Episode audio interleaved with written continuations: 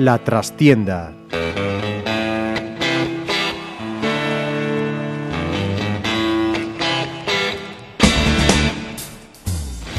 Saludos amigos, os habla Ramiro Espiño en nombre de todo el equipo. Comenzamos una nueva edición de La Trastienda en Pontevedra Viva Radio desde nuestros estudios en la calle Michelena de Pontevedra. 75 años y un día no es una condena, es la vida que tiene el Club de los Amores y desvelos de las personas que nos acompañan en este programa y seguro que también de todos los que nos escucháis. Nació un 16 de octubre de 1941 y durante toda la semana hemos estado celebrando tal hecho con diversos actos conmemorativos que finalizaron con la disputa del partido frente a Lealtad en Pasarón y que iremos repasando. Para ello, este lunes tenemos con, nosotros a la persona que ha tenido la responsabilidad, pero seguro que también el gustazo de ocupar la presidencia del Pontevedra Club de Fútbol en una fecha tan señalada. Lupe Murillo, presidenta, muy buenas y no sé si respiras ya un poco mejor o todavía no te ha dado tiempo. No, no, todavía estamos en el post, post semana grande del Pontevedra Club de Fútbol y estamos como intentando empezar a asimilar todo lo que ha pasado. ¿no? Ha sido impresionante el cariño de la gente, de los exjugadores, de los exdirectivos, de la ciudad de Pontevedra y bueno, ahora empezamos a hacer la valoración porque no hemos podido disfrutar absolutamente nada de lo que hicimos. ¿no? También nos acompaña un hombre que en su momento se vio obligado, como ahora Lupe Murillo, lo de obligado lo digo entre comillas, evidentemente, a tirar de valentía y dar un paso al frente para sacar al Club Granate de una situación muy apurada en aquel entonces en lo económico y en lo deportivo.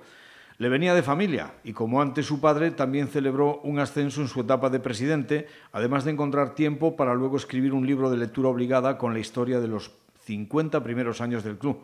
Miguel Domínguez, muy buenas, bienvenido. Hola, muchas gracias. Y efectivamente me tocó una etapa, una etapa complicada, pero que recuerdo con, con mucho cariño. Os une, aparte de, del amor, evidentemente, por el Pontevedra, pues el haber tenido que dar un paso al frente cuando la situación era crítica en ambos casos, ¿no? o por lo menos muy complicada. Yo creo que tanto Lupe como yo ya teníamos una pequeña relación con el club, ella un poquito mayor, porque ella había, había estado de vicepresidenta, por lo tanto, eh, supongo que no querría que que todo fuese por la borda y, y, dio el paso. Yo era médico también del club en aquel momento, tenía relación pues, con los vestuarios, tenía relación con los jugadores y, y bueno, pues también di el paso en aquel momento.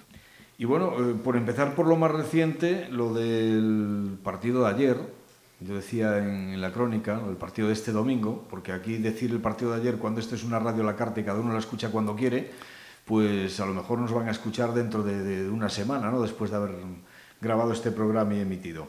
Decía que había sido pues una historia con final feliz. Sí, porque en fin, el partido a ti en concreto no te gustó mucho. La primera parte no, la segunda, o nada. Sí. Y efectivamente... ¿A ti sí? No, fue un partido más. Yo es que generalmente no veo los partidos en Pasaron Ramiro. Estoy atendiendo a cualquier otra cosa menos al resultado del partido y ya cómo estamos jugando. Me pone muy nerviosa. En todo caso, el resultado final, que es lo que cuenta, no es, mm. es un 3-0 que creo que es aplastante, independientemente de lo que hubiese pasado en el campo de fútbol. Al final, lo que cuenta es el resultado.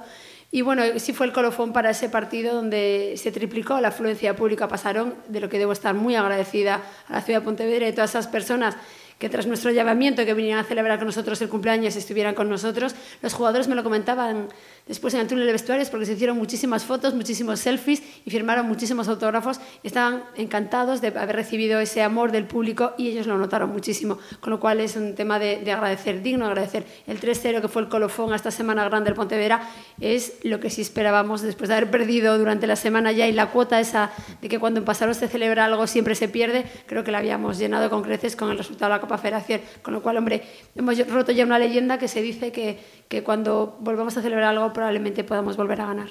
Bueno, eso lo dicen muchos entrenadores que no quieren ni ver en pintura celebraciones antes de un partido en casa, ¿no?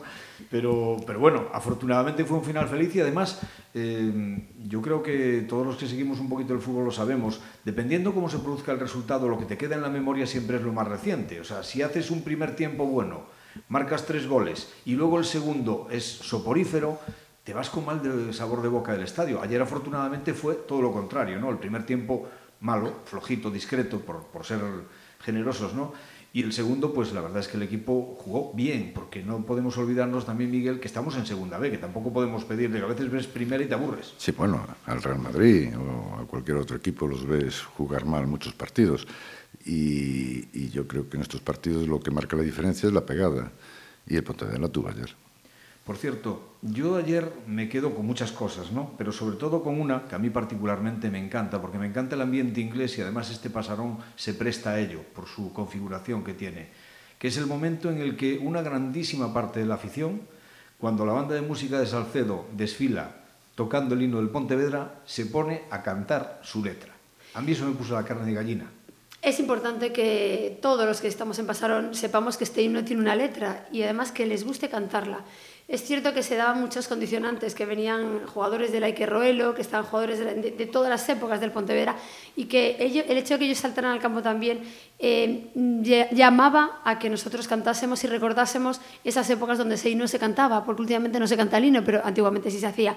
Y es algo que llega al fondo. Lo vimos en la Alameda, en Las Palmeras, cuando ayer pues, fuimos a rememorar esa fundación del club, cuando pues, Cholo y la familia de Cholo y gente de esas generaciones cantaba el himno con la mano en el pecho. Es increíble, ¿no? Recordar, debía, debe ser que antiguamente sí se cantaba mucho más y ayer era el día para recordar esa letra de nuestro himno cantado por la afición de, del Pontevedra. Lo que pasa, y es que esto no es reproche, sino es constatación de algo que sucede, digo yo, desde mi punto de vista, desgraciadamente en casi todos los recintos deportivos. Ojalá se prohibiera la megafonía únicamente como antiguamente, para decir aquello, Almacenes Clarita les ofrece las alineaciones del Pontevedra.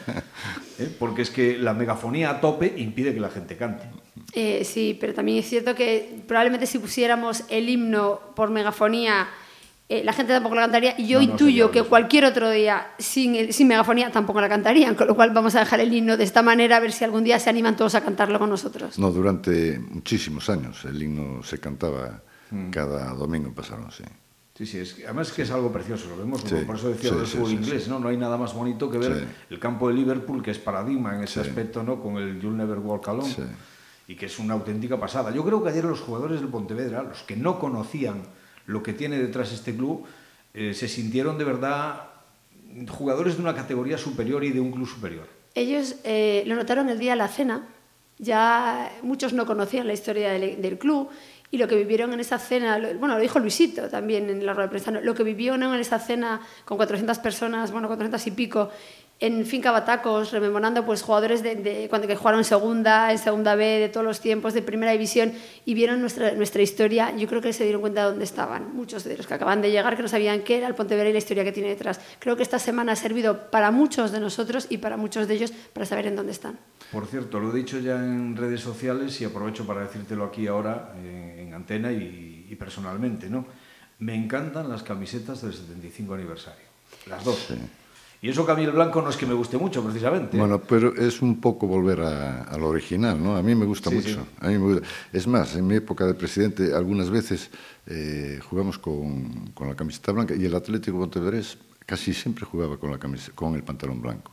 Uh -huh. No te atreves a, a dar el paso definitivo porque tiene tanta historia el, el, pantalón azul, pero la verdad es que el blanco es el original. Es que la camiseta blanca, o sea, el pantalón blanco, perdón, eh, que fue el original, eh, sí. fundacional del sí, Pontevedra Club de Fútbol, se cambió por una razón práctica de aquel entonces, que, que a lo mejor hoy... muchos, los más jóvenes no nos lo escuchan, que hoy parecería una estupidez, ¿no?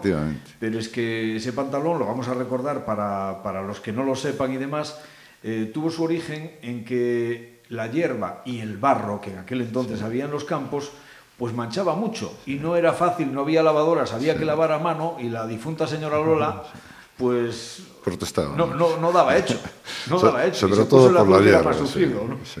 Así es, y por eso nosotros en este 75 aniversario intentamos dar, o sea, hacer honor a los orígenes y desde ayer el Pontevedra va a jugar toda la temporada con pantalón blanco en recuerdo y en honor a, aquellos que fundaron este club. ¿no? Entonces jugaremos con pantalón blanco el resto de la temporada. Me gusta la primera equipación por el detalle del puente del Burgo de fondo y me encanta la segunda con ese toque vintage. ¿no? Bueno, te comento que, que, la segunda tenía mucho éxito en la tienda. Ayer se vendieron muchísimas camisetas y la segunda eh, se vendió mucho más. Por eso digo que casualmente aquí en el Consejo de Administración está claro que la primera tenía que ser Granate porque somos el equipo Granate Y lo del pantalón blanco fue un acuerdo también de todos, de volver a hacer honor a los orígenes. Y la segunda equipación tiene mucho que ver con Roberto Feans, que es futbolista, y tenía claro que quería, no me digas por qué, ese tipo de cuello, ese tipo de camiseta, que era un poco como la antigua, ¿no? Y bueno, y entonces al final pues le dimos, bueno, pues como quería de primera ese cuello y nosotros dijimos que no, al final, pues la segunda tiene mucho que ver con Roberto Feans y le ha gustado mucho también a los futbolistas del equipo, sí es cierto. Un montón de actos durante toda la semana, conferencias, presentaciones, la presentación de la camiseta, la del autobús, el acto de las palmeras que hemos dicho, el partido con muchísimos exjugadores, la cena de gala que fue un auténtico éxito. Eh, yo no sé si habéis echado en falta algo o ha sobrado algo, no lo sé. Yo soy parte interesada de esto y no te lo puedo comentar, pero bueno, aquí Miguel, que calculo que ha seguido un poco los actos que hemos tenido esta semana y tú podrías hacer una valoración de lo que habéis visto. Sí me gustaría comentar lo del autobús. Yo ayer cuando llegué a Pasarón lo presentamos durante la semana, el autobús, y ayer mm, dijimos a la empresa Monbus que aunque no saliéramos con él, que nos trajeran el autobús a Pasarón para que la gente y la afición pudieran ver el autobús. El autobús gustó mucho. De hecho, cuando yo llegué a Pasarón había un montón de niños del barro y del Monteporrero que habían pedido invitaciones para este partido y estaban haciendo haciéndose fotos con el autobús. El autobús da, imagen de, club grande, de club señor, y yo creo que quedó o muy bonito. A veces pequeños detalles que no cuestan tanto, pero significan mucho. ¿no? Sí, esa es la, la, imagen, la sensación que tuve ayer cuando llegué a Pasarón y ver a esa gente haciendo fotos con el autobús. Era el autobús de un equipo grande, de un equipo, bueno, del, del equipo del Pontevedra, que somos grandes, claro. Bueno, ¿y qué, qué sí. me decís de, de, de, lo que sucedió? Bueno, perdona, Miguel, sí. porque te he cortado. No, no, no, no, no, yo estaba, estoy de acuerdo totalmente con lo que dice Lupe. Eh, es que el Pontevedra es un equipo grande, ¿no? Y es un equipo grande no solamente por su historia, porque efectivamente tuvo pues esos 8 o 10 años de, de, mucha gloria. Es grande también porque supo salir en los momentos más complicados, aunque yo creo que eso es muy importante recordarlo. Eh, son muy pocos los equipos que cuentan con el apoyo de la ciudad cuando las cosas están tan mal. Pontevedra pasó dos o tres veces por situaciones complicadísimas y, y, un equipo como una ciudad como la nuestra, que no pasa de 80.000 habitantes, es muy difícil que salga de situaciones tan difíciles. El Pontevedra lo hizo en dos o tres ocasiones. Es que yo creo que esa es la grandeza, por encima del hay que error y de todo, porque, a ver, en época de fiesta y de vacas gordas todo el mundo sube al carro. Sí.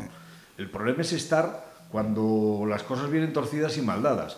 Y el Pontevedra ha tenido muchos momentos que han llevado a la desaparición de otros clubes de, representativos de otras ciudades. Hablo del mismo Málaga que hoy está en primera división, del Burgos, de, en fin, de, de un sí, montón de equipos. De Lorense, de Lugo, Valencia, de, Compostela, de 50.000 equipos, algunos más fuertes que nosotros. Y ese, es su grandeza, ¿no? Lo que sí. tiene detrás, porque sí. bueno, eh, creo que todos los que estamos aquí lo sabemos. Yo que, que llevo pues 35 años contando, bueno, desde, desde los cuatro años, o sea, 56 siguiendo al Pontevedra, pero 35 siguiéndolo profesionalmente y contando lo que pasa por esos campos de Dios y por ahí adelante y demás, al margen de los que van a pasar, aunque son muchísimos comparado con, con lo que van en otros sitios, ¿no? el, el, interés que genera en otra gente que quiere saber qué le pasa al Pontevedra. Sí. Yo sobre todo cuando viajabas y venías de, de, de, un partido o salías de Pasarón, era muchísima gente bueno, pues que te reconocía y te paraba y te preguntaba, ¿cómo quedó el Pontevedra? Sí, o sea, sí. que sí que había un interés que no pasa a lo mejor en, en otras circunstancias. Y bueno, Miguel, o sea, volviendo a eso, tú eras presidente precisamente en el ascenso de Leibar, en el 84, sí. que tuvimos la, la suerte de, de, vivir juntos, aunque a Canarias no te atreviste a ir, que el avión te asustaba un poquito, ¿eh? Sí, pero bueno, mandé representación. recuerdo, recuerdo, Porque es que no era un avión directo, después había que coger uno sí, sí, un que, era, que era una, una, cosa un poco rara, sí. Sí, sí, estaba tu hermano Rafa como efectivamente, club y demás. Efectivamente. Y lo que pasamos en aquel partido en La Palma, hablando del, del Pues mensajero, est ¿no? estuvimos a punto de perder la eliminatoria allí, ¿eh? porque bueno, en 10 minutos... minutos perdíamos los Sí, sí, sí. sí. Mm.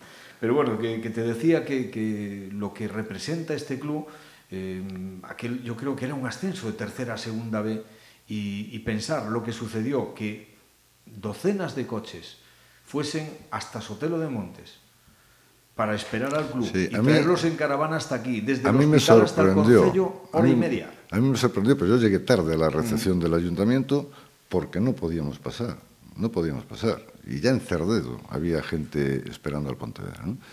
Y es increíble, ¿no? era un ascenso a Segunda División B. Pero bueno, eh, es lo que tiene esta ciudad con el fútbol, Yo que recuerdo, tiene un gran cariño. Que íbamos en, en el autobús, porque habíamos viajado en el autobús con el club, sí. los medios de comunicación, aquella teniendo en cuenta las circunstancias ¿no? y lo que se celebraba y demás. Y llevábamos, entonces eran unidades móviles, walkie-talkies, en definitiva, ¿no?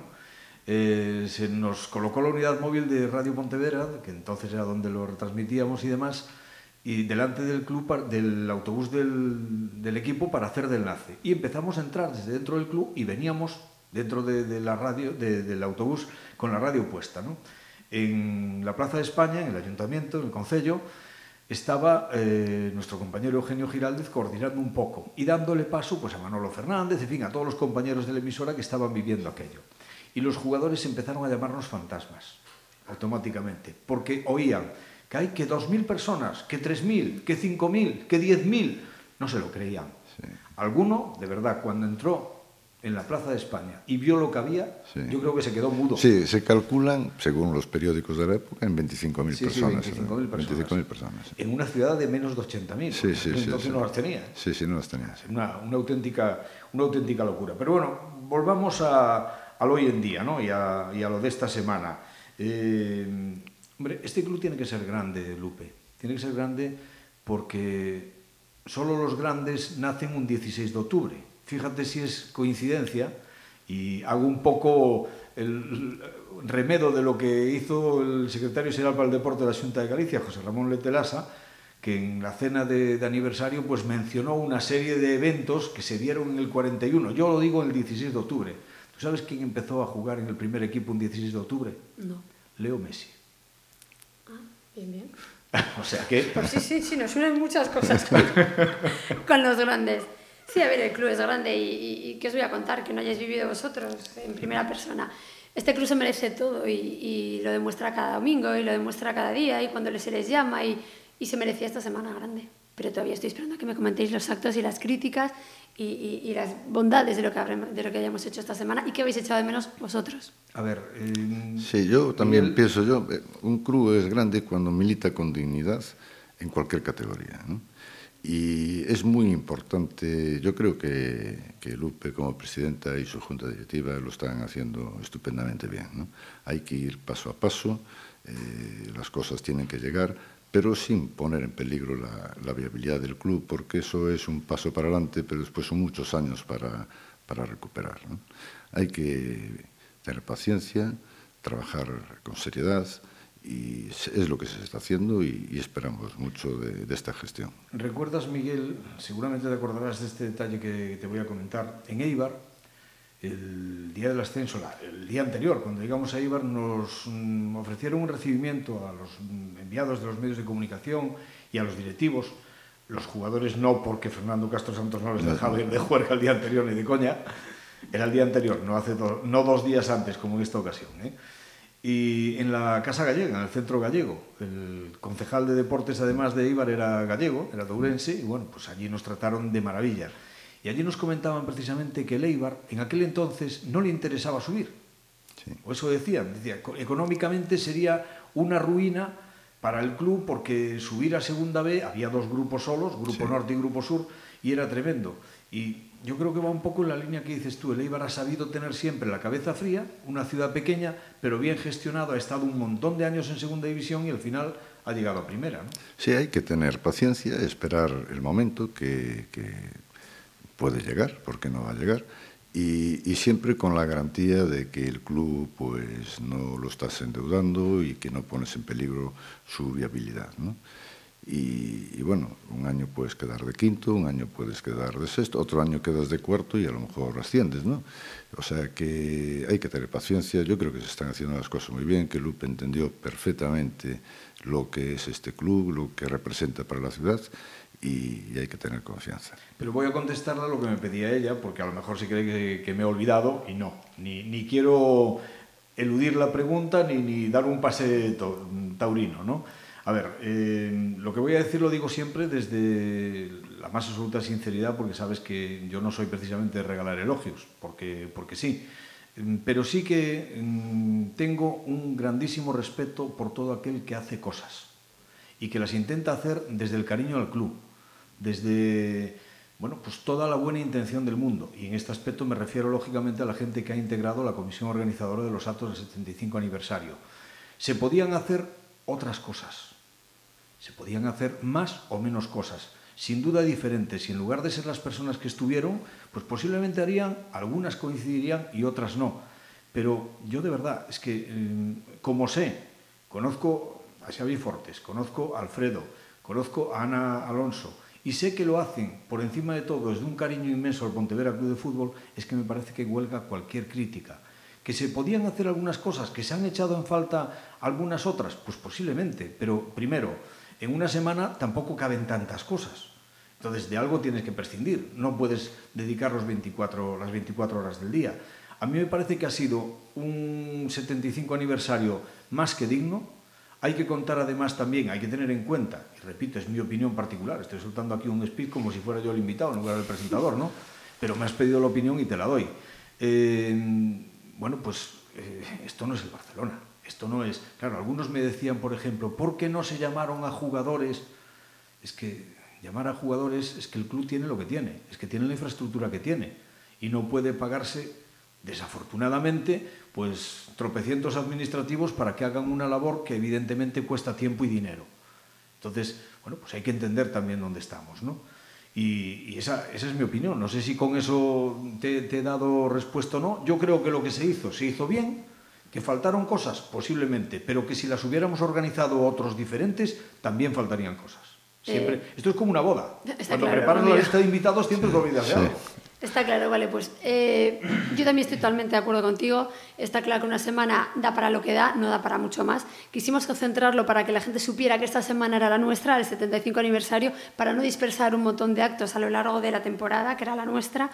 Sí es cierto que mmm, esta no crítica, pero esto que dices que muchos jugadores decían que no se les había llamado.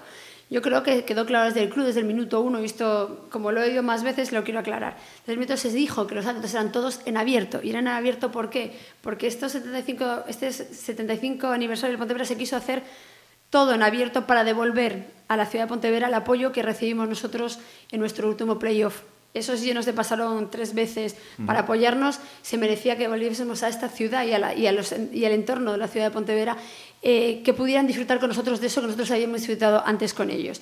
Todos se hicieron abiertos. Esto significaba que en la cena de gala todo el que quisiera venir podía venir a compartir ese día con nosotros. No teníamos que llamar nosotros a nadie. Todos estaban invitados, previo pago, porque el Pontevedra Club de Fútbol sigue teniendo una deuda que arrastra al pasado y el Pontevedra no podía invitar ni a exjugadores, ni a exdirectivos, ni a nada. Se dijo desde el minuto uno que eran abiertos para que todos pudieran venir a compartir esa noche con nosotros. Todos estaban invitados.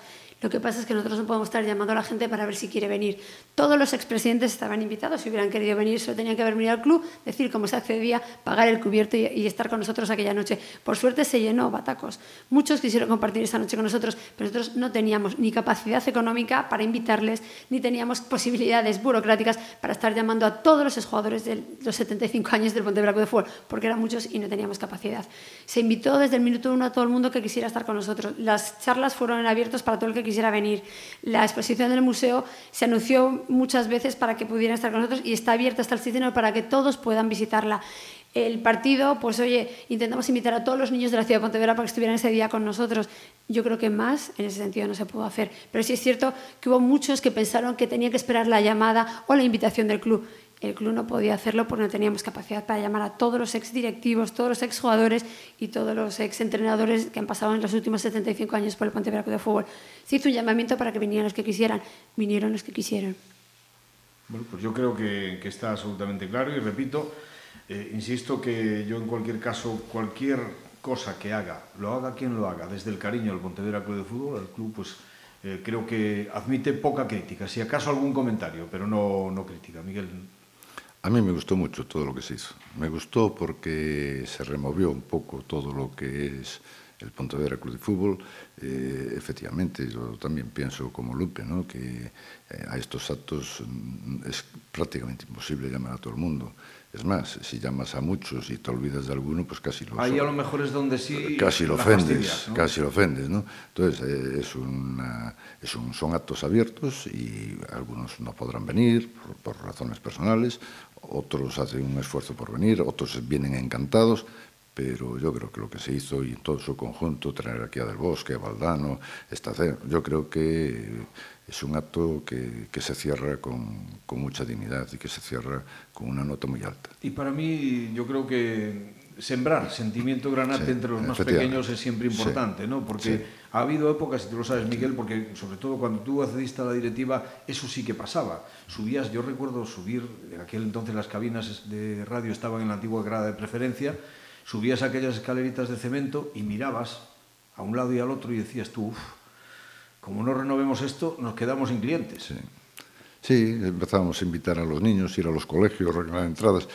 Pero yo creo que esta cadena pues se fue, se fue continuando, ¿no? Se fue continuando y acaba de, de contarnos la presidenta pues lo que pasó en los partidos de, de playoff, ¿no? pues que el campo pues, se llenó, menos en el segundo, que casi se llenó, pero en los, los otros dos estaba, estaba lleno. personas en un acceso claro, a segunda, claro. después de un palo tan gordo como, como el que te habías llevado con el mensajero. Efectivamente, yo creo que muy bien, ¿no? yo creo que la vida del Pontevedra sigue, su relación con la ciudad continúa y ahora estamos viviendo un momento de esperanza y todos mirando para Lupe. El desafío, el desafío Lupe quizás sea ahora mantener este nivel de, de interés, de seguimiento en la grada, para lo cual yo me imagino que algo ha tenido que ver, mucho seguro, el abaratar considerablemente los precios de las entradas, porque mejor 6.000 a 5 que 3.000 a 10, ¿no? Sin duda, lo que pasa es que tú sabes que nuestro problema está con los socios, con los abonados, que cuando sacas un carnet a principio de temporada y das un precio, lo que no puedes hacer es abaratar las entradas de tal manera que hubiera sido más barato sacar la entrada que sacar el carnet de socio. Entonces, hay un montón de, de decisiones económicas vinculadas al club que hay que analizarlas mucho. Entonces, hay días especiales en donde sí es necesario que venga todo el mundo a estar con nosotros. Pero, y tenemos que cuidar a los socios. Una Nos toca cuidar a los socios. Es una sugerencia, primar al socio haciendo que sea el socio el que retire la entrada para un acompañante a mitad de precio. Sí, hay un montón de posibilidades que se valoran a lo largo de la temporada y en muchas ocasiones se hacen. Y eso, cada X tiempo se saca una nueva promoción para poder seguir llenando el campo y enganchar a más gente. Esto va a pasar con el tiempo. Intentaremos, como dije hace poco en una entrevista, que cada vez vayamos a más, cada día un socio más, cada día un peldaño más, cada día una clasificación mejor. Pues cada día que damos un euro menos, eso significa eh, la sostenibilidad esta famosa que se dice, hay que mantener los pies en el suelo y hacer que este club sea cada día más solvente. Y en eso estamos, intentando que- dar un pasito cada día más. Y como dice el solo, ¿verdad? Partido a partido. Partido a partido, efectivamente, partido a partido y euro a euro y socio a socio. Eso es la a- filosofía del Pontevedra Club de Fútbol de hoy. Terminamos además, ya que habla del Cholo, pues nosotros tenemos casi uno parecido, eh, salvando las distancias, lógicamente. Digo que terminamos además los- la semana del 75 aniversario, el día del 75 aniversario, en puestos de playoff, pero de eso casi que no hablamos, ¿no? No, no vamos a hablar de los puestos que tenemos en la tabla a lo largo de la temporada porque no debemos olvidar que el año pasado cerramos la primera vuelta siendo terceros sin playoff y de- a partir de ese momento todo empezó a ir mal. Entonces vamos a olvidarnos de dónde estamos, vamos a seguir, la temporada es muy larga y vamos a ver dónde acabamos, que esperamos hacerlo pues muy bien. Y de los chinos también nos olvidamos. Y ahora sí vamos a olvidarnos por mucho tiempo, vamos, al menos yo espero que esta temporada nos olvidamos, la siguiente y la siguiente también espero que nos tengamos que olvidar de los chinos, pues eso significará que el Pontevedra eh, tiene una gran salud económica. Una cosita, porque no todo van a ser cosas buenas, evidentemente hay alguna cuestión que, que hay que corregir, ¿no? Eh, magnífico el comportamiento de la inmensa mayoría de la afición, pero eh, hay dos cosas que desde mi punto de vista sobran y que algunos no deben de confundir, y me vais a perdonar que sea así tan, tan brusco, el culo con las témporas. Una cosa es animar y otra cosa es querer ser más protagonista que los que están en el campo. Sí, es Lo digo por lamentable. el tema de las bengalas y lo digo por la invasión final. Yo cuando era niño, si se me ocurría saltar a Pasarón, mi padre me daba unos azotes que ni te cuento. Yo te comento, Ramiro, sobre los aspectos que fueron pues eh, el lado malo del partido de ayer y que se comentó en el túnel de vestuarios entre los consejeros porque es un problema para nosotros. Tuvimos, lógicamente el árbitro lo reflejó en el acta, eso significará una sanción por parte de la Federación Española de Fútbol y eso es la nota negativa, hay que haber que corregirlo. Entonces tomaremos medidas desde el club, lógicamente. Ya se han pedido las imágenes a la Televisión de Galicia y se facilitarán en el día de hoy a la policía para que identifique a aquellos que hicieron lo que hicieron, porque el club no puede, un club como el nuestro que tiene una carga importante de deuda del pasado no puede seguir acumulando deuda por incidentes como estos, porque no nos, hacen, no nos benefician absolutamente en nada. Y es la gracia de tres que creen que... Es que todavía no entendí el motivo por el que se puede hacer eso a un club, porque nos daña a todos los socios que tenemos que pagar. Cuando haya que subir el carnet a esa gente, no creo que le guste, pero habrá que subirlo porque gracias a su actitud y a lo que han hecho, pues vamos a tener que pagar. Y el pagar por una gracia de cuatro significa subir el carné a muchos y no creo que nos beneficie a nadie. Entonces, eso no se va a volver a consentir en Pasarón y desde luego en la medida que el club que representa 3.000 socios, que son los que al final cargan con esa carga que cuatro graciosos nos llevan a Pasarón, pues tendremos que buscar quiénes son para efectivamente que no vuelva a pasar. Y la policía está en ello. Y en segundo lugar, el tema de, la invasión del campo. Nos ha pasado siempre, siempre que parece que ganamos algo grande, que los niños que hay en Pasarón, los niños, porque entiendo que los padres que acompañan a los niños deberían saber lo que están haciendo, los niños que acompañan esos domingos y que piensan que hemos ganado algo se acercan. ¿Quiénes fueron en el día de ayer? Que yo entiendo que tiene mucho que ver con los niños que invitamos de los colegios que no son los asiduos a Pasarón. Querían hacerse fotos con esos jugadores que habían ganado ese partido, que era el del cumpleaños. Esa parte yo la perdono más, Ramiro, que también nos va a causar una sanción, porque tanto el acta de la policía como el acta del árbitro de ayer llevan los dos escrito la invasión del campo y lo, de las, y lo de las bengalas. Me duele mucho más lo de las bengalas porque sabemos a lo que nos exponemos.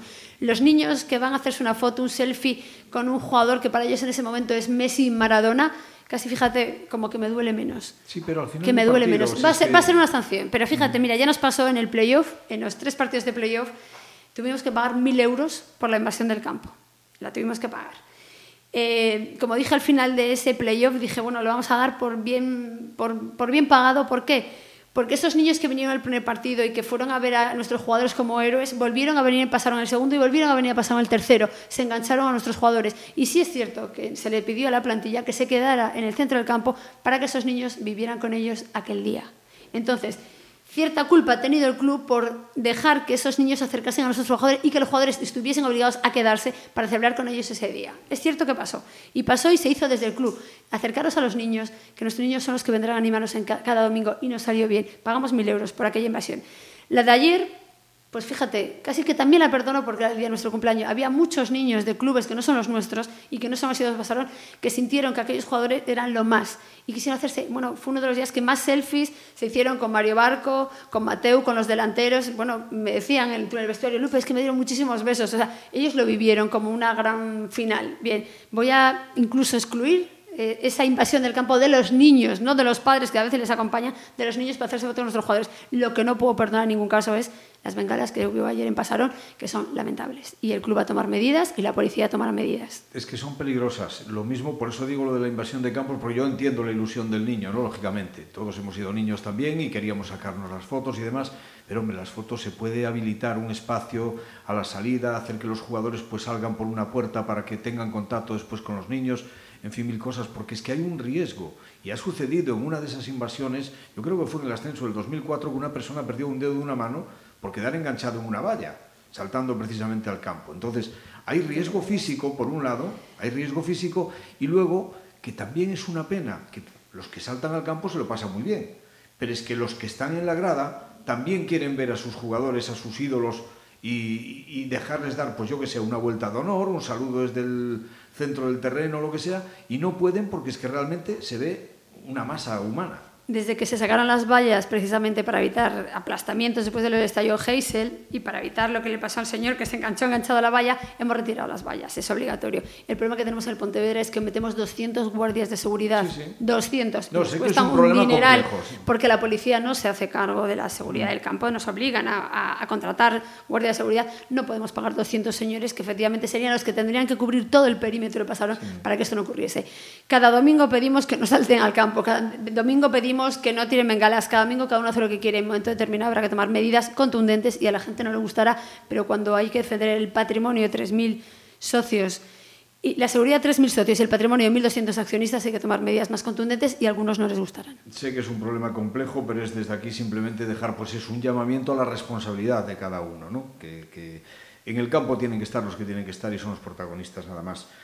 Miguel, eh, haciendo un poquito de- hacia atrás, yéndonos un poquito hacia atrás, tú cogiste el equipo eh, recogiendo el testigo de Eulogio Vázquez Pereira, tres años en tercera, la tercera se consiguió el ascenso, y con un equipo netamente gallego que el de ahora tiene bastantes similitudes, porque se ha ido a buscar fuera lo que aquí no se encontraba, entiendo, ¿no? Sí, yo había prohibido el que nadie me hablase de ningún, de ningún futbolista que no fuese gallego. Teníamos uno de fuera, pero que ya estaba en la plantilla, que era Saseín, que, que era además un buen futbolista. Y después, como excepción, trajimos a un portero que lo había pedido el entrenador y que finalmente tampoco salió bien porque tuvo problemas familiares y a mitad de temporada se tuvo que marchar. Por lo tanto, a nosotros mmm, nos gustaba que los jugadores fuesen de la tierra y que, y que creíamos que para la tercera división eh, teníamos miembros suficientes para hacer un gran equipo y, y, yo creo que aquel era un gran equipo para, para la categoría y todos los jugadores de aquí. Bueno, pues ya para ir finalizando yo me atrevo a lanzarte un reto. Ya que has escrito el libro de los 50 años, hay que actualizarlo. Bueno, ahora estoy jubilado, ¿eh? Bueno, pues más tiempo ahora, tendrás, ¿no? ahora estoy jubilado. Podría a escribiendo. Ahora estoy jubilado, a ver si tengo fuerzas. ¿Y habrá otro Domínguez en la presidencia del Pontevedra? No, yo creo que no, que ya... No digo ya, cuándo, ¿eh? No, ya, ya, estuvimos... No, no, no estoy pretendiendo sacar a Lupe, ni mucho Ya estuvimos, no, ya sé que, que no pretendes eso, pero yo creo que no, que, que bueno, que hay muchas familias, hay muchos socios y... pero, pero también hay mucho sentimiento granate en vuestra sangre. ¿eh? Sí, eso también es cierto, sí. ¿Y Lupe, hasta cuándo? Uf, no tengo fecha de caducidad. Eh, me iré, lo dije hace poco, cuando entienda que el trabajo está hecho. En ese momento dejaré el club. De momento no, el camino está sin rematar. Que te has mojado y muy fuerte en la cena cuando has dicho que no sabías si en dos, en tres o en cuatro años, pero que estabas segura de que el Pontevedra estaría en segunda división. Sí, sí, así lo creo. También he dicho que no sé si conmigo o sin mí, pero creo que el Pontevedra hay que dejarlo preparado para que pueda dar el salto de categoría. Y así será. Hombre, la verdad es que viendo otros campos que hay por ahí adelante, las afluencias, los seguimientos que tienen y demás, este club se merece algo más. Este club se merece mucho más, Ramiro, mucho más. Pues esperemos estar aquí para verlo y para seguirlo contando. Bueno, nos vuelves a invitar. Que... Será ¿Eh? un placer, pero no solo en ese momento, sino siempre que queráis, sabéis que tenéis las puertas abiertas de esta casa.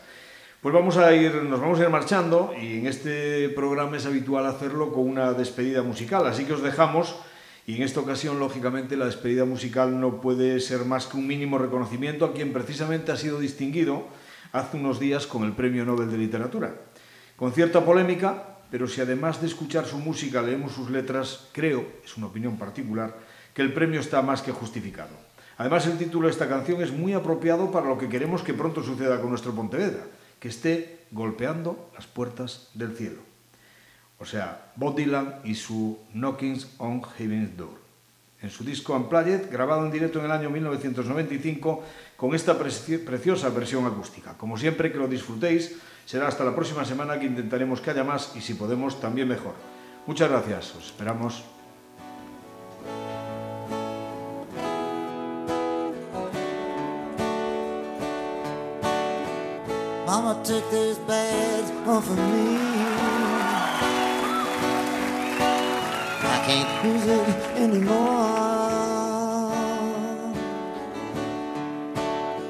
It's getting dark, too dark to see.